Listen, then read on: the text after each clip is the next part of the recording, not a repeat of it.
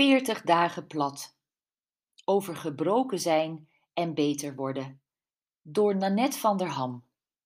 Dag 40. De laatste dag.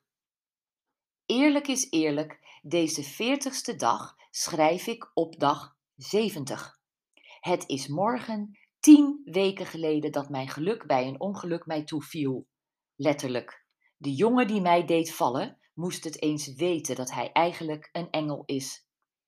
Ik heb mezelf, mijn omgeving en Sander de Visio tot nu versteld doen staan van mijn voorspoedige herstel.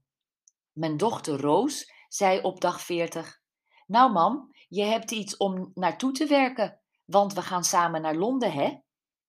Dat kerstcadeau van haar was ik niet vergeten, maar had ik steeds voor me uitgeschoven omdat ik zelf wel bijna, maar net niet helemaal overtuigd was dat ik Londen zou kunnen bezoeken.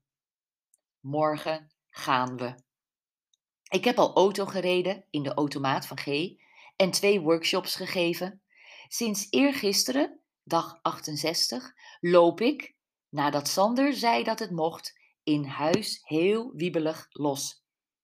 G keek me stom verbaasd aan en Snor, de hond, sprong tegen me op, wat hij de afgelopen 68 dagen niet gedurfd had, en likte me over mijn hele gezicht. Vandaag voelen mijn heup, knie en voet al sterker, maar buiten en als ik moe word, pak ik er weer een kruk bij. Eentje maar. De andere staat in de hoek van de kamer.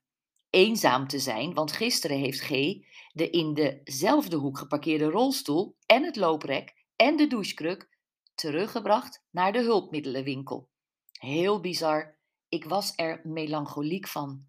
Heb die lijntjes met mijn wereld nog even aangeraakt en bedankt voor hun steun.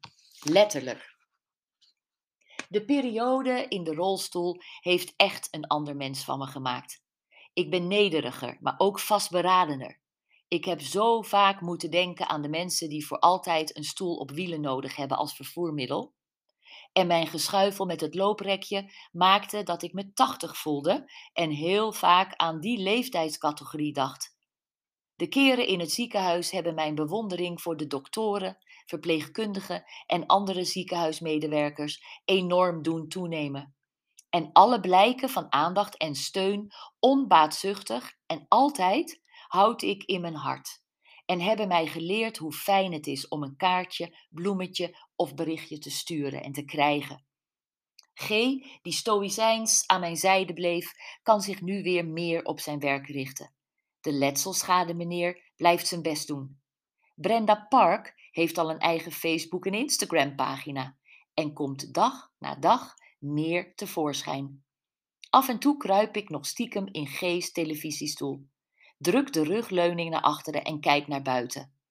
Mevrouw en meneer Koolmees maken overuren en vliegen af en aan naar hun nestje in een schaduwhoekje van het balkon.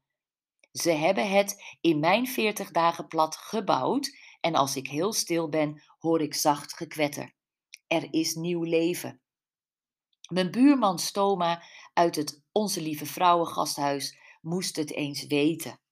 Ik kijk naar mijn handen op het toetsenbord van mijn laptop en zie dat ze trillen.